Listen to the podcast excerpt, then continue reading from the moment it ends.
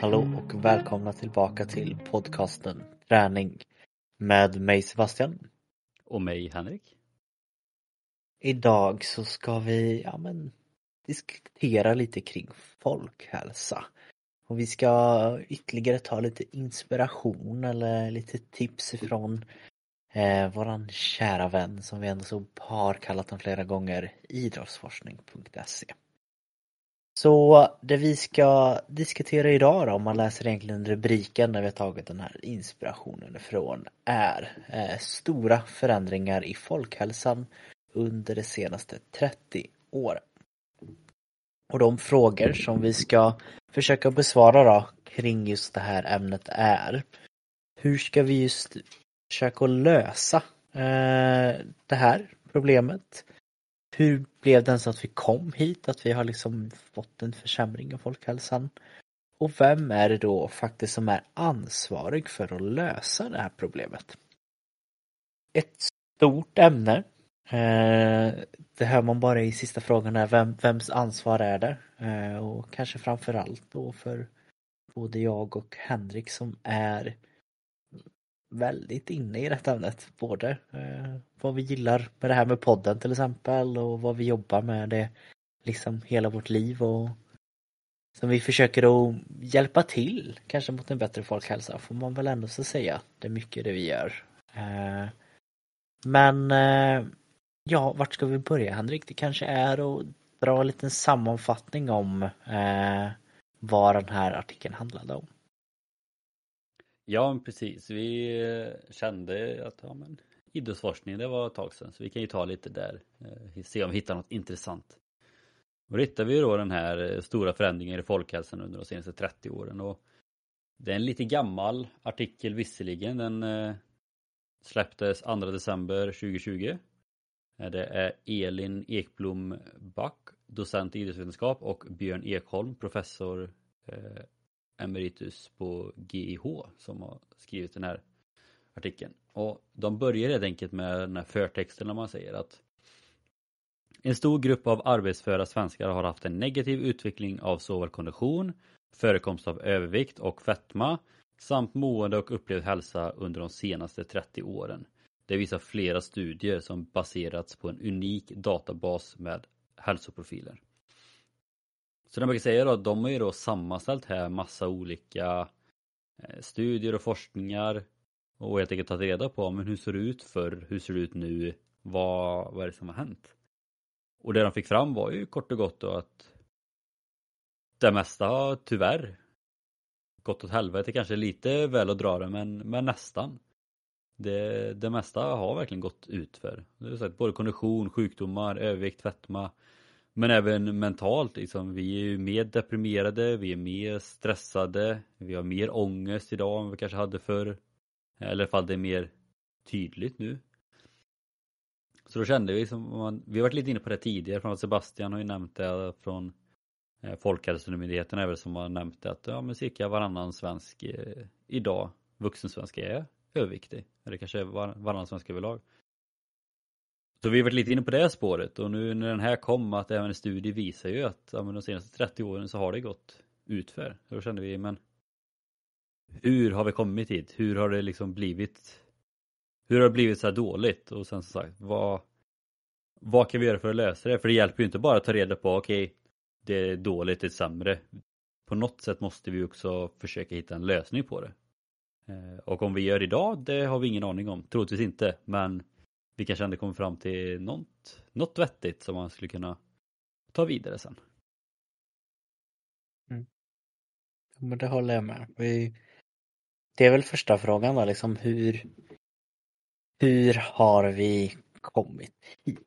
Um, tänker vi kanske kan se ifall vi i bygget två har någon som vi tror kanske är största boven kan man väl kalla det. Um, har du liksom någon form av teori eller tankar kring att men det här tror du är en utav de grejer som kan vara en av de största bovarna till att vi har kommit hit där vi är idag? Alltså jag skulle nog säga att den största boven och det är nog inte bara en gissning, det skulle jag nog ändå säga att ja, men det skulle jag kunna säga ganska självsäkert och tro att det är. Och det är ju digitaliseringen av i stort sett allting. Kollar man, vi pratat om det tidigare också, men kollar man på jobb eh, det mesta är ju digitaliserat idag. Det är robotar, det är maskiner, det är datorer som gör allting. Vilket innebär att de flesta jobb har ju blivit mer att stillasittande se till att datorerna och robotarna gör det de ska istället för att vi ska göra det själva. Eh, även liksom i lantbruket som är väldigt fysiskt, ja, men det har också blivit lite mer digitaliserat, även fast det är fortfarande väldigt fysiskt. Men även allting med data, tv, mobil, alltså intressena och liksom det Vi är hela tiden stimulerade på något sätt. Det tror både när du och jag växte upp, det var inte ens jättelänge sedan. Men det var knappt att internet ens fanns på vår tid och framförallt inte smarttelefoner. Så att även jag som var uppvuxen på landet, liksom, jag skrev en kompis till mig och frågade om jag spelade fotboll, men då tog man cykeln 4-5 eh, kilometer och så drog upp och latcha fotboll. Ibland drog man så cykeln upp själv för man visste alltid att det var någon där. Mm. Idag så är den här spontanidrotten mer borta. Att man går i skolan, man kommer hem, man sitter och, och gamar eller kollar på mobilen och lite allt sånt. Så att, om man tänker i vuxen ålder så är det ju främst liksom att jobben är ju mer kontor eller stillasittande. Men tyvärr har det också blivit att vi redan i ung ålder blir introducerade i det här samhället att bara sitta, ta det lugnt, inte göra så mycket. Eh, och vi får sådana intressen också så att då tar vi vidare, eller det oss vidare när vi väl blir äldre sen också.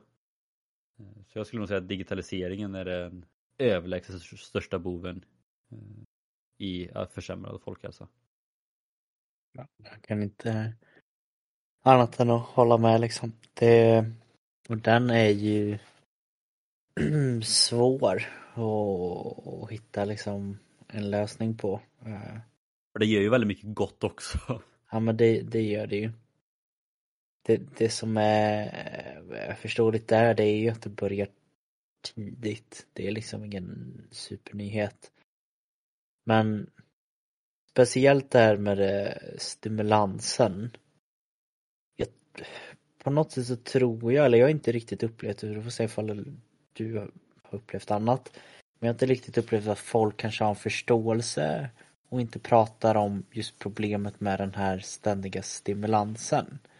Mm. Eh, utav just dopaminpåslag utav det är i princip all internet är gjord för idag, att du ska få de här kickarna. Det är ju, eh, jag tror jag pratat om det innan, men det är ju egentligen en form av drog om man liksom tänker, om jag hade sagt det här att men du, du kan eh, ta det här pillret eh, flera gånger per dag. Liksom, du ska egentligen inte göra något annat än att äta det här pillret. Och det, varje gång som du tar pillret så blir du gladare, eh, du får lite mer energi och du, du måste bara ta ett nytt piller. Och det här pillret gör också att du nästan struntar i att göra allting annat och vill bara ta det här pillret om och om igen. Och vet du vad? Vi, enda sättet för att få tag i det här pillret är att du måste säga till en person att du är över en viss ålder. Men den personen som står i kassan tillåter även barn att ta det här pillret utan problem. Och då hade man ju liksom sagt att det här är ju helt sjukt liksom. Men det är ju egentligen det de här stimulerande apparna och allting är. Det är ju någonting som alla har tillgång till. Det är nästan ett krav att du måste ha tillgång till det för att passa in. Och det ger exakt samma effekter. Den där att du tar inte in det på det sättet, du tar in det liksom via, via synen, via hörseln på annat sätt. Det, det är läskigt på ett sätt. Men eh, jag har en känsla av att det kanske är på väg åt ett litet annat håll. I och med att det börjar nog finnas lite tydligare spärrar för det känner jag. Eller folk kanske börjar hinna med Eh, och det känns som att även den yngre generationen kanske börjar prata lite om det nu i alla fall. Ja, men jag, det, jag upplever ändå att det känns som att det finns Det finns ändå någon form av medvetande i det.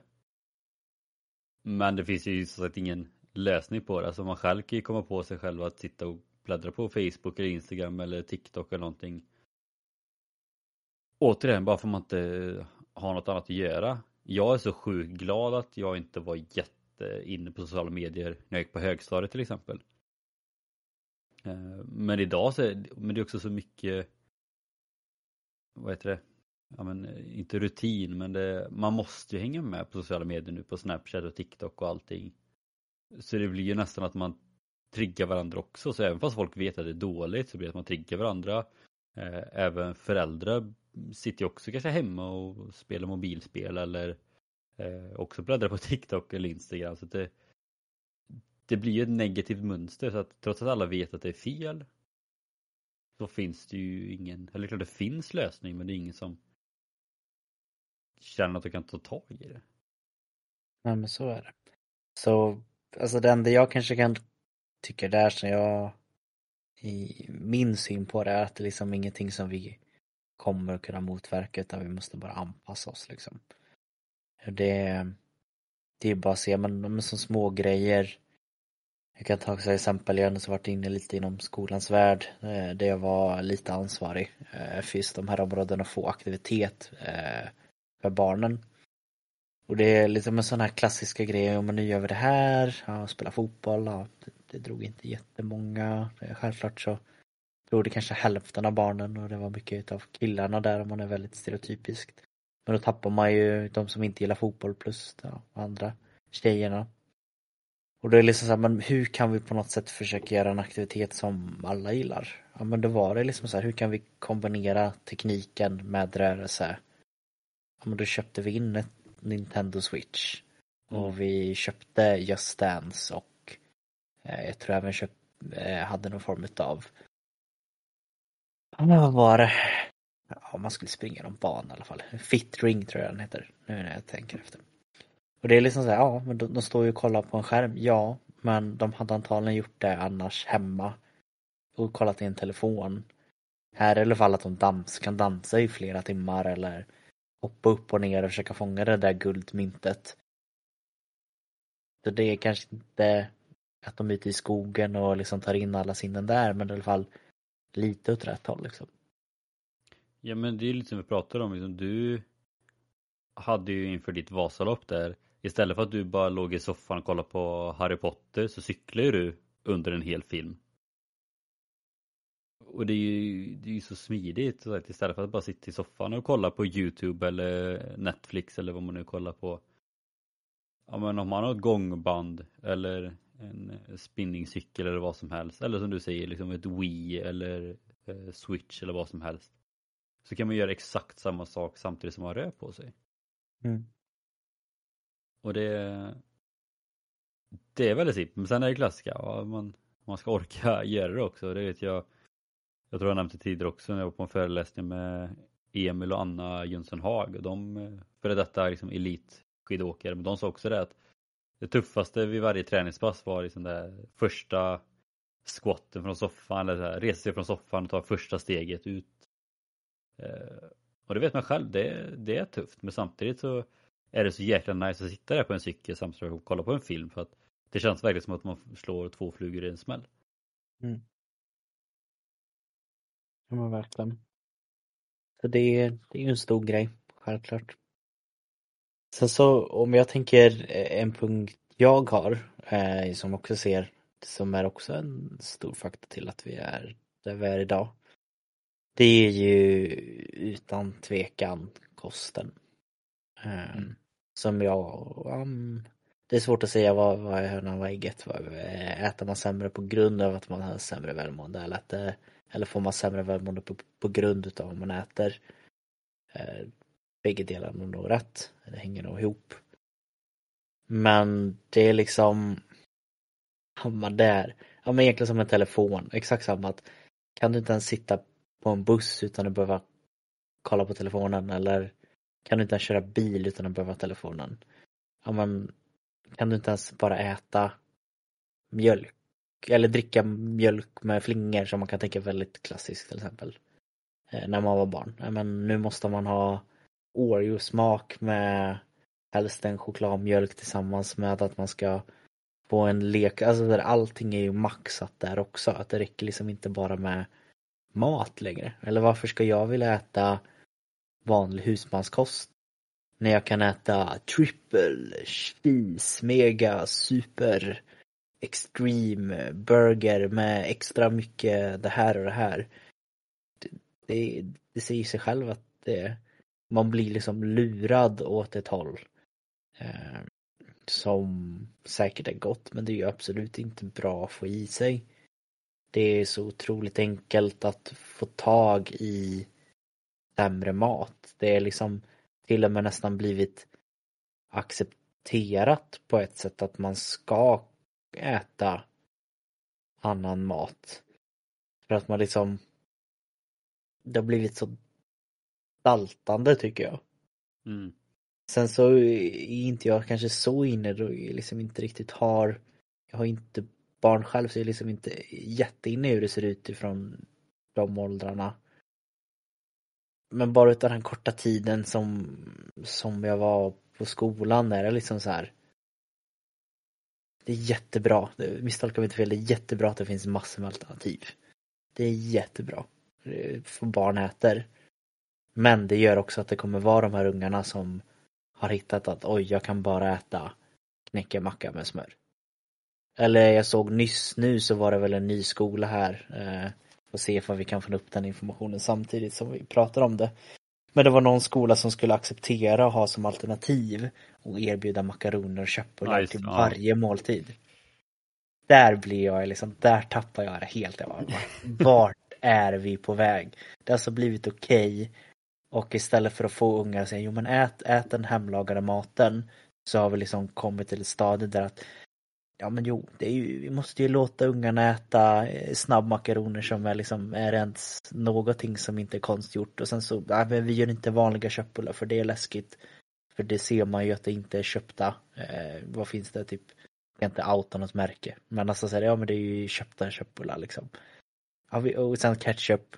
Men vi kan ju inte ha vad är den här blåa ketchupen som är lite mindre socker för den smakar ju konstigt.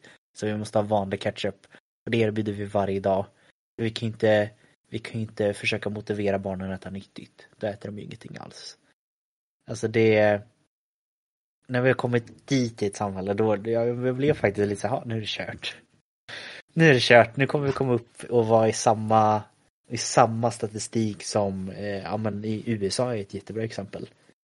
Där om något tänker jag att det är att, ja, men vad, vad finns det att köpa? Vad är det ungarna köper? Jo men det är pizza, det är hamburgare, det är läsk, det är klassiska chokladmjölken som man såg förut. Det är efterrätter på skoltid. Det är klart som skön att en unge inte kommer att välja, vad ska man säga, ålrotssoppan jämfört med en hamburgare. Det hade inte jag heller gjort. Men jag förstår inte hur vi vill ta samhället dit liksom. Alltså det som jag tycker är lite kul med det här ämnet är att jag kan inte, jag känner inte att jag kan direkt eh, prata jättemycket heller just för att alltså du känner ju mig, jag är ju också ganska kräsen av mig. Men jag är också uppvuxen med just att det här är dagens mat, ät. Både hemma och i skolan. Så att jag förstår ju precis vad du menar och jag håller med. Det blir ju verkligen, och framförallt i skolans värld där man ska behöva ha tio olika måltider eh, för att alla ska få i sig någonting. Sen återigen, jag håller ju med det här med makaroner och köttbullar, det är ju för att då vet de att barnen äter så de har energi. Men det är också så här, ja, det är en svår fråga för det är klart, de måste ju äta någonting för att få energi och orka med skoldagen. Men det som vi pratade om tidigare, vi har verkligen kommit till ett väldigt daltande samhälle.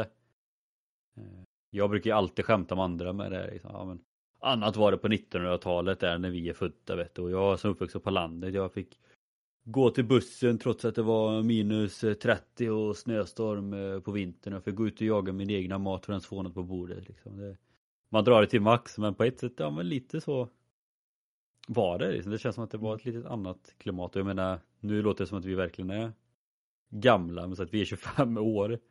Men det har hänt sjukt mycket på den tiden.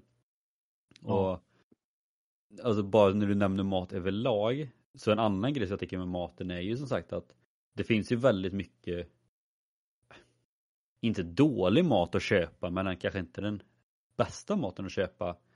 Men tyvärr är det ju så eh, idag att den maten man vill köpa, den som är den bästa, nyttigaste eh, mest miljövänliga, den är ju alldeles för dyr. Det är ju typ inga som har råd att köpa sån mat.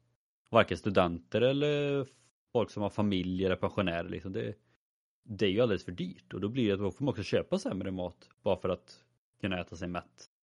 Eller få familjen mätt hemma. Eh, och det är också väldigt tråkigt att det har blivit så. För att som sagt förr idag, för 30 år sedan, då var det kanske lite mer, ja det var kött och potatis med brunsås. Liksom. Det var det var det som gällde. Jag själv är uppvuxen liksom med spagetti köttfärssås eller köttgryta eller kotlett eller kasse eller så här. Nu är det ju mycket annat och det är halvfabrikat och eller så är det färdigrätter och sånt tyvärr. Så att när inflationen och pengarna spelar också en jäkligt stor roll i det här med maten. Och också en sån grej med pengarna, för nu pratar vi väldigt mycket om, om både fetma kondition och allt sånt där. Men så att något som också blivit sämre är ju den mentala hälsan. Vi är stressade, vi har ångest, vi har depression. Och det är också väldigt mycket med pengar att göra. Många måste ta jobb som är mer än 100% bara för att kunna ha råd att betala hyra, mat och familj och allting. Så kanske måste jobba 125% eller 150%. Samtidigt som alla chefer på typ alla jobb eh, ger extra mycket arbete åt sina anställda eller på väldigt kort tid. För att alla företag måste också jobba så jävla hårt för att eh, kunna gå runt eller gå plus. Eh, men vissa skiter i om deras anställda mår dåligt över det. Så att i slutändan kanske vissa får stressjobba upp mot 200% fast de kanske bara har en 100% i tjänst. För att företag ska få sina pengar för att överleva.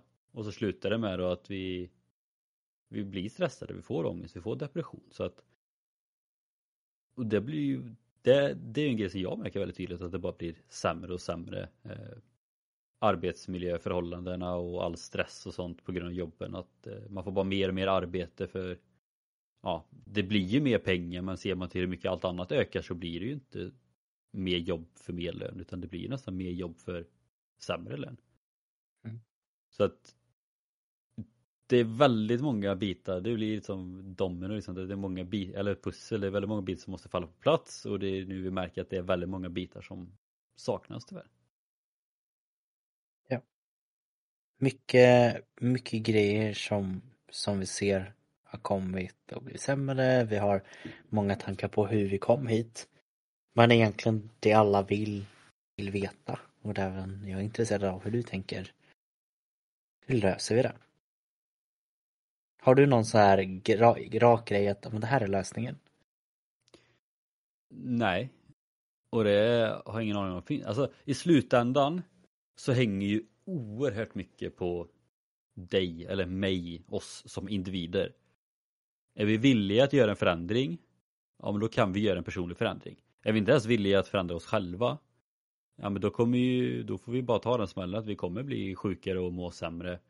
Eh, så det är ju det jag tänker så att ju fler individer som inser att det här är ett problem och börjar ta tag i det själva förhoppningsvis blir det ju någon så här dominoeffekt av det.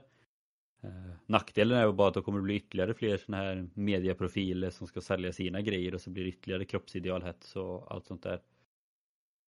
Sen anser jag att oerhört mycket ligger hos arbetsgivarna just för att vi men vi lägger ändå en tredjedel av dagen ja, vissa lägger ju mer än så på, på arbete.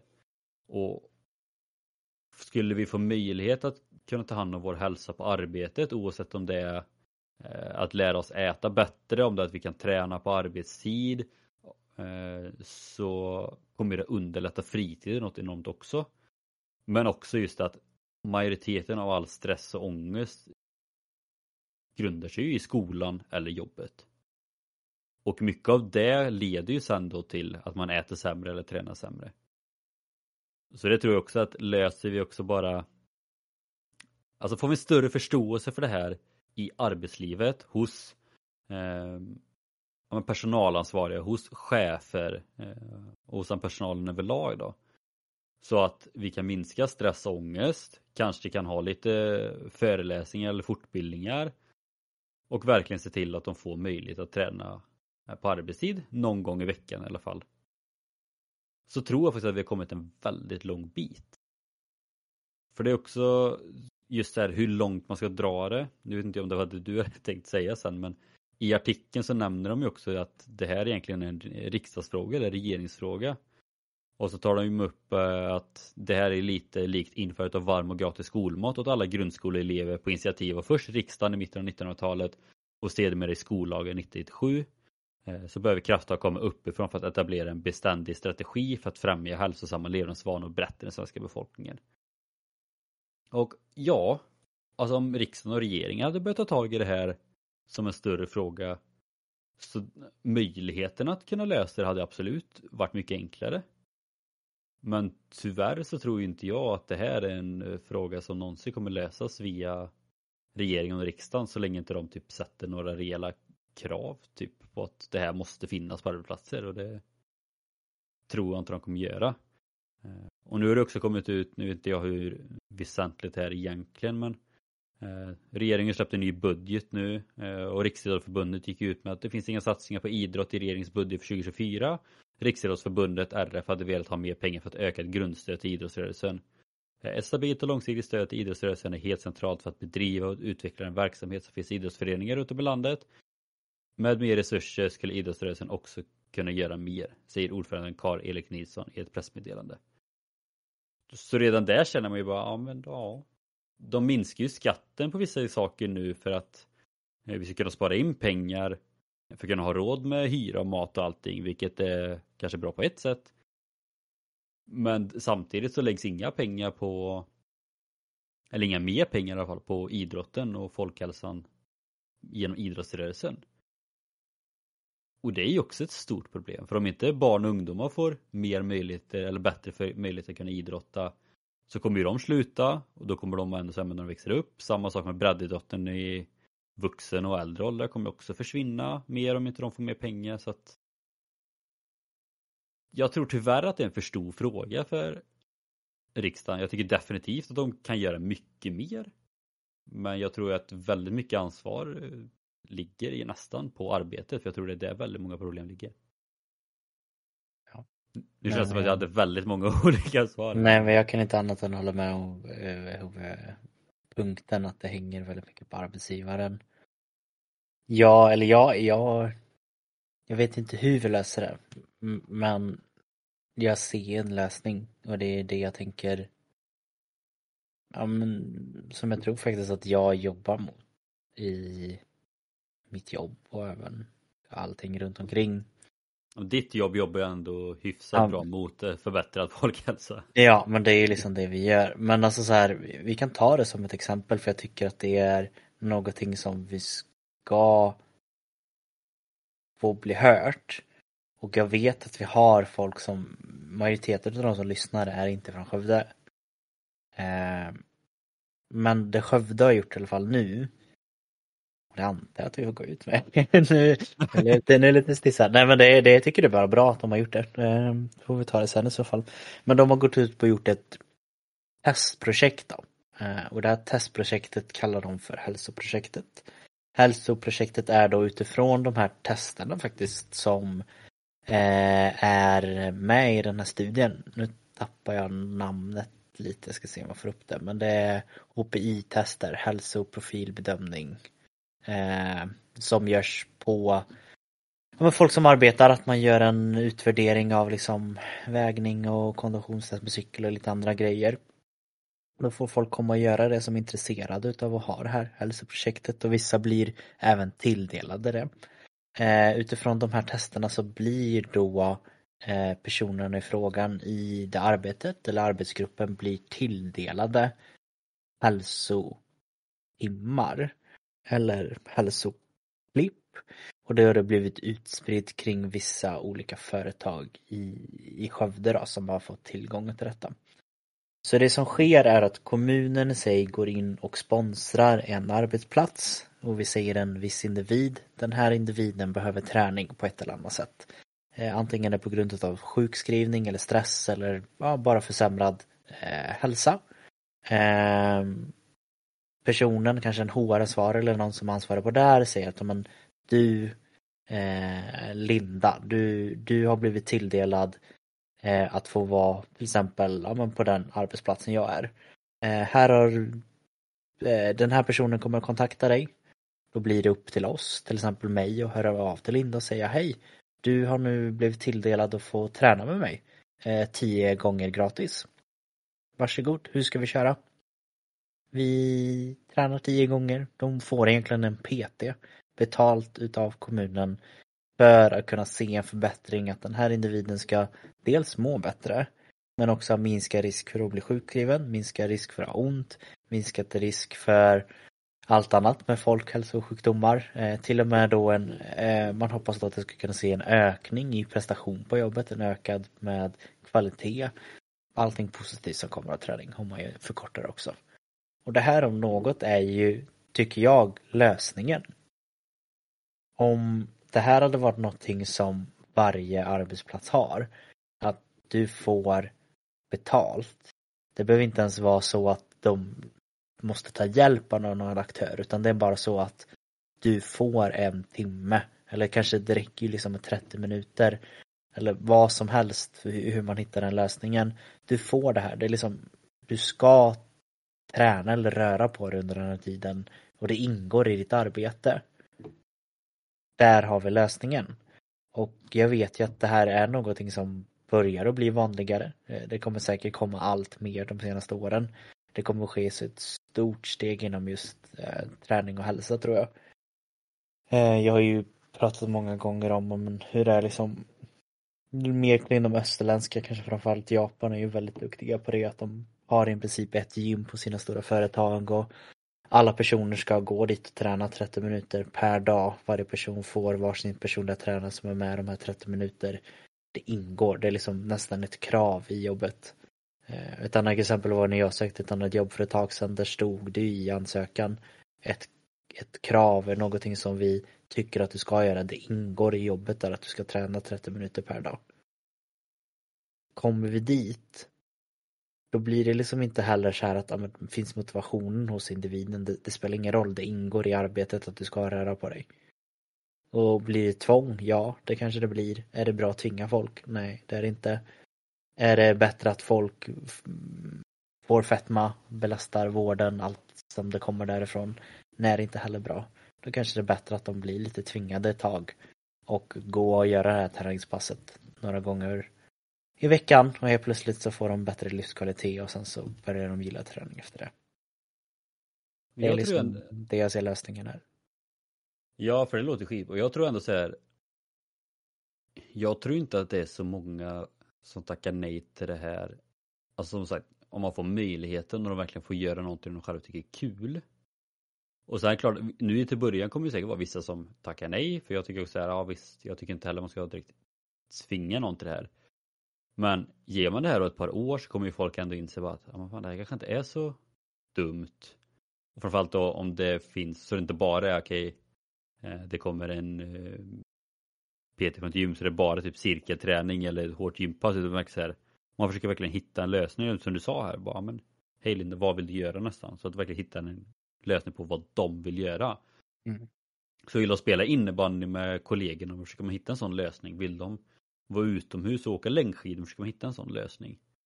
Eh, och i slutändan så kommer det ju då bli att fler och fler kommer vilja ha det så. Och jag tycker nästan, för sagt det är ju skitbra med en sån grej som att kommunen går in och stöttar nu. Men egentligen så tänker jag för att kollar man på alla stora arbetsplatser, ja men det måste finnas en personalansvarig. Det måste finnas någon som har lite så här typ koll på säkerhet och regler. Eh, och det måste finnas en ekonom, men det måste finnas så många olika roller. Varför kan man inte sätta krav att alla stora företag eh, måste ha någon som är lite utbildad i alla fall inom någon form av träning och hälsa eller kost eller någonting som kan hjälpa företaget med det. Och så kan kommunen kanske gå in och stötta de mindre företagen som inte riktigt kanske har råd att anställa någon sån. Det hade ju varit mm. helt fantastiskt. Mm, jag tror säkert att det finns någon sån roll som jag har hört om som är allt vanligare liksom i större företag. Eh, och det, ja, jag håller med, med dig. Jag tycker det på ett sätt kanske kan vävas in nästan i den här HR eh, positionen. Att en, en har hand om den mentala hälsan, tänker jag, blir lite mer med kvalitet och miljö är ju det HR är egentligen utan att vara alltför insatt.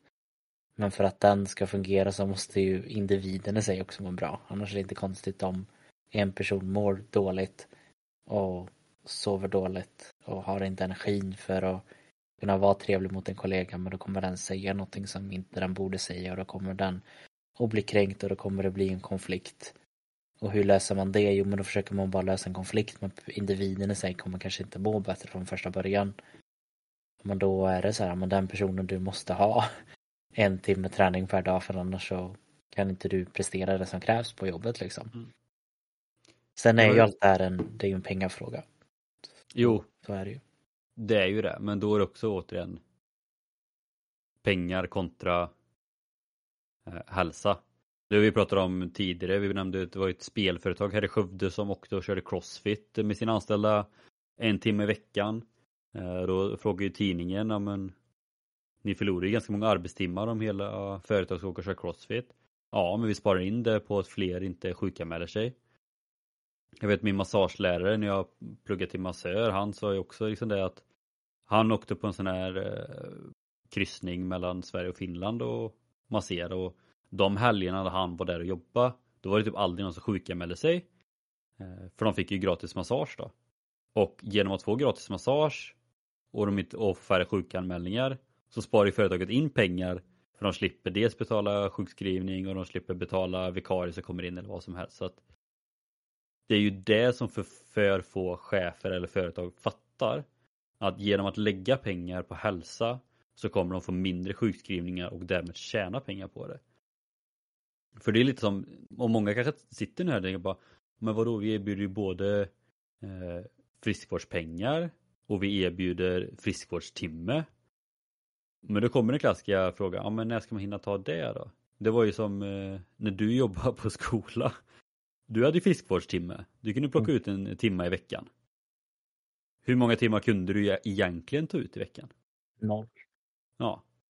För det funkar ju inte med schemat. Nej men det är liksom så här, ja men du, det var ju någonting de sa, men du har en friskvårdstimme och vi är ett eget gym, det passar ju dig i intervjun liksom. Ja men jättenice. Så kommer man in och kollar sitt schema. Okej, okay. ja men vad bra. Då tar jag, men när jag slutar då har jag liksom en timme där som jag kan sluta tidigare och gå till gymmet och träna. Perfekt. Ja, du får inte ta det i slutet av dagen. Ja. Nej men jag har en timme på morgonen. Ja men du får inte ta det i början heller. Nej. Okej, okay. ja men då tar jag den där. Ja men då måste du vara lunchvakt. Okej, okay. men när ska jag ta det då? Ja men du har ju fyra, fem kvarter däremellan två, alla dina lektioner då kan du ju få in den här timmen. Va, jo, för då är man ju jättemotiverad och, och träna hårt och sen ha en lektion och sen ofta så drar det ju över och sen måste man ju få in planeringstiden någon gång också. Det, tanken var god, utförandet kanske inte det bästa. Eh, men det, ja, jag är ganska säker på när vi sitter här om, om flera avsnitt att det kommer att börja gå hit. Men jag tror inte att ansvaret och lösningen kommer komma uppifrån utan jag tror det kommer vara att nu så är det folk som har växt upp med det här och fått höra väldigt länge att men det, det går åt fel och det går åt fel håll. Och det blir vanligare att folk vågar och vara den som chansar lite, den som vågar vara unik, vågar vara mm. första företaget som investerar. Och först då kommer de här, men som alltid när det är något nytt, kommer de här gamla gubbarna och gummorna som sitter uppe i ledningen bara nej men konkurrenten där tjänar så här mycket på att erbjuda träning i veckan. Och vi förlorar så nästan dubbelt, tredubbelt i sjukskrivningar. Hmm. Ja men då är det värt att börja vi också. Men det, allting hänger ju på att någon vågar att börja. Ja men så är det ju verkligen. Ja. För sen tänker jag också för att det har också varit väldigt mycket snack de senaste valen också det här med om vissa yrken ska gå ner på till exempel sex timmars arbetsdag istället för åtta timmars. Mm. För det är det jag också är lite orolig för just det här med träning och sånt där att, att vissa företag kommer bara Jo men det, det är klart att ni kommer få träna på arbetstid. Eh, men då kanske ni får jobba till klockan sex istället för klockan fem då. Om ni tar mm. en timmas träning vid lunch där. Så att man får göra på arbetstid fast man, då förlänger man arbetsdagen. Eh, det som hade varit skitbra är så om man säger då att man jobbar sex eller sju timmar eh, istället för åtta timmar fast du då som sagt blir lite halvt tvingad att göra något för hälsan oavsett om det är fysiskt eller mentalt eller någonting en timme på arbetstid. I alla fall eh, någon eller några dagar i veckan. Det hade varit skitbra för då blir det att du förlorar ju ingen tid på att göra det. Visst, företaget kanske förlorar någon timme på att de gör det annat. Men det är också så här. Om jag, om jag jobbar på ett jobb, vilket kontorsjobb som helst till exempel.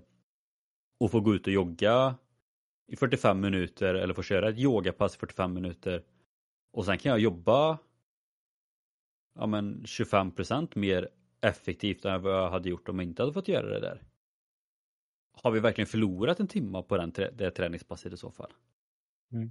För det är det som många inte heller tänker på att för alla tänker bara tidsmässigt och timmar och pengar. Men det är ingen som tänker på att om man får det här om, så att man dels blir effektiv där och då man överlag mår bättre och blir piggare och allting. Man kanske också blir mer taggad på jobbet för att man gör sånt här. Du kanske får dubbelt så mycket gjort för att du får göra såna här saker. Och då är plötsligt så kommer ju företaget också tjäna dubbelt så mycket pengar för att man får dubbelt så mycket jobb gjort. Fast man kanske jobbar tekniskt sett fem timmar mindre i veckan. Mm. Så det, nej.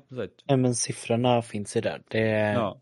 det är någonting som har varit klart för många länge. Eller så här, bara eh, som, som en grej, det här konceptet som har börjat att komma nu. Det jobbade jag med som 18-åring och bara, men det här det, det är jättelätt. Det är bara, gör det här, känna det här. Det blir den här procenten i mindre sjukskrivning, det är liksom klart. Men det, men det når ju inte fram. Tydligen. Det är det där det, där det skär sig, att de som har kunskapen når inte fram till de som tar beslutet. Um, och då är det liksom det som kanske frågeställer, men hur kan vi nå fram till de som tar besluten då? Och jag tänker, ja men en grej kan ju dels vara kanske använda lite, en lite taskig grej och det är lite så här, ja, lite skrämselgrej med lite statistik liksom. För att bara liksom, men så här är det. Och det är liksom flera år bak i tiden också. Det är liksom ännu värre nu. Eh, men det är ju den här, ja, vad ska vi ta? Ska vi ta konditionen eller övervikt fetma? Du kan få börja, vilken känner du Henrik?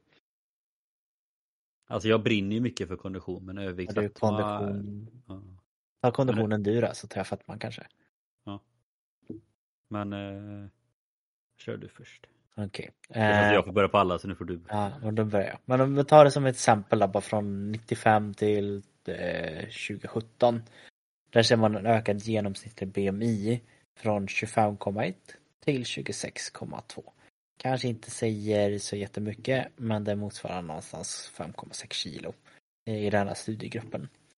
Pratar man om någonting som är mer intressant och kanske enklare att ta på det är om vi då pratar om ja, men, övervikt, fetma och kraftig eller svår fetma. Där är det då alltså en ökning i procent eh, från, ja, men från 95 till 17. Från 44 procent utav, eh, det tror jag är eh, den vuxna befolkningen i Sverige, till 54 procent i då bara övervikt. Har vi fetma, alltså där kan man då börja prata att det är över 30 BMI och här är det liksom stor ökad chans för hjärt och kärlsjukdomar och andra jobbiga grejer. Där går vi från 9 procent till 17 procent liksom Nästan dubbelt så mycket. Ja, låta den sjunka in. Alltså det, det är sjukt och det var 2017. Och går vi dessutom ännu mer där vi går in ifrån svår fetma, alltså där man kan tänka att men det är jag, jag, ska vara, jag ska vara hård, det, det ska jag vara. Alltså där är det liksom, oj, lever du fortfarande efter den här studien kom ut? Alltså det är liksom Det är jättetråkigt att det kommit dit men här pratar vi verkligen om sjukt, sjukt, sjukdom. Det gick från 1,6 procent till 4,2 procent. Alltså det är, för mig är det här liksom, eh, jag tappar ord. Det är som att helt plötsligt så skulle halva Sveriges befolkningen få för sig att börja röka ett paket per dag. Och ingen hade liksom ifrågasatt det. Man vet att det är dåligt. Det är säkert jättemånga som redan gör det.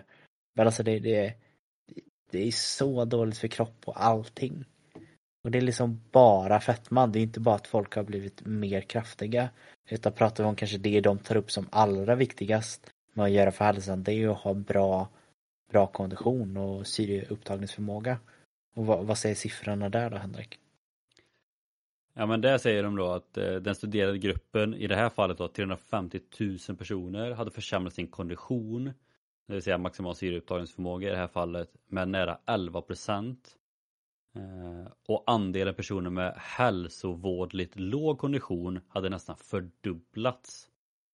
Det är samma sak där, fördubblats mellan 95 och 2017. Det, och då sagt, då är 2017 ändå sex år sedan. Ja, knappt, det fanns inte ens liksom knappt smartphones tänkte jag säga, men det fanns det. Men det var liksom så här, inte närheten av det vi har idag.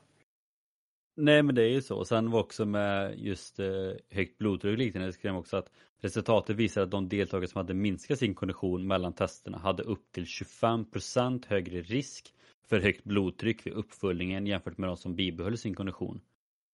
Eh, och de som däremot hade ökat sin kondition hade 11% lägre risk jämfört med de som bibehöll sin kondition. Dessa samband gällde oavsett kön, åldersgrupp, BMI och konditionsnivå vid första testet. Så det är samma sak där, 25% högre risk för högt blodtryck om man har minskat sin kondition. Eh, och återigen, det är för sex år sedan så att jag hade inte blivit förvånad om man jämfört nu då att det ligger uppe på 30-35, kanske 40% liksom. Mm. Eh, ingen aning men det är ju inga bra siffror. Och det är ju en anledning till att vi verkligen ville prata om det här för att vi har varit inne lite smått på det väldigt många gånger men nu kände vi verkligen att ja, men, nu vill vi också ta en litet krafttag i det här för att det är därför vi har den här podden. Vi vill ju kunna få ut träning, kost, mental hälsa, alltså hälsa överlag till alla oavsett om du är en elitidrottare eller om du är en eh, pensionär som aldrig tränat i hela ditt liv så vill vi få ut att hälsa är viktigt. Det kommer alltid vara viktigt oavsett om du är ung eller gammal eller man eller kvinna eller vem som helst. Och det blir bara sämre så att vi med den här podden vill ju lyfta fram sånt här. Och visst, det här kanske inte är det roligaste avsnittet men förhoppningsvis så blir det en väckarklocka till alla som lyssnar. Kanske att man också börjar anta lite om sig själv att oh shit, jag kanske faktiskt behöver ta tag i det här nu innan det är för sent. Eh, men också att man kanske får en liten eh, ja, men lite motivation, att kanske börja brinna inom sig själv också. Bara att, de har fan rätt. Det, det här måste jag ta upp med mina kollegor eller med min chef att det här håller inte. Att vi ska slita som djur och allting och bara bli sämre och gå sönder liksom. Men ska vi hålla på så här så måste något hända. Och det är inte säkert ni kommer få någon respons av chefen, men lite som jag pratade om innan med vems ansvar det är. I slutändan så är det en individs ansvar. Och om vi som individer aldrig kommer och ställer krav heller på våra chefer eller arbetsgivare eller personalansvar eller vem det nu är så kommer ju inget heller hända. Så att vill ni få till en förändring på arbetet, försök få med så många kollegor som möjligt, samla ihop dem och sen prata. Jag tror också liksom det att mycket handlar om kommunikation och prata. Att lyfter man bara fram det så jag tror inte det är jättemånga som är negativa till det. Utan jag tror bara att det, det är lite som du och jag nu sitter och kanske klankar ner på väldigt många företag och arbetsgivare. Men jag tror också att det, det är säkert aldrig någon som ens gett dem ett, det som förslag att få in någon hälsogrej i företaget. Nej. Jag kan inte annat hålla med. Men om, om man tänker liksom, vi, vi brukar ju alltid ibland så skicka med att men, gå in och följa oss på Instagram och sådana grejer i slutet och liksom summera. Idag kanske jag mer känner att men, summeringen idag blir försök att prata med någon, en person om det här. Helst en person på jobbet som kanske har möjlighet att kunna påverka det. Och faktiskt, jag kan faktiskt vara så pass bold utan att prata med dig. Jag, jag, jag känner mig att jag är på det humöret idag. är det så att du får kontakt med någon som, någon arbetsgivare som faktiskt känner att jo men vi måste göra något men vi vet inte vad. Eh, vi behöver kanske... Ja men lite så, alltså vi, vi, vi, vi, vi behöver få in någon som i alla fall lyfter problemet så att vi förstår vad det är. I någon form av föreläsning eller bara samtal eller vad som helst. Är det så att du får kontakt med någon som hör av sig till oss. Den första personen som gör det får en gratis föreläsning. Oh. Det kan, väl du, det kan väl du också stå bakom tänker jag. Det är liksom så, Ja, det, det, är liksom, det är så, det, det kan man ändå så göra. Det, det är liksom inga problem. Den första personen eller företaget som hör av sig på ett eller annat sätt får kontakt med oss via Instagram, ett Raning Podcast, via mail, raningpodcast hotmail eller gmail, gmail.com tror jag det var. Hot, hotmailer. Hotmail.com, Ja. jag har för mig att det var det.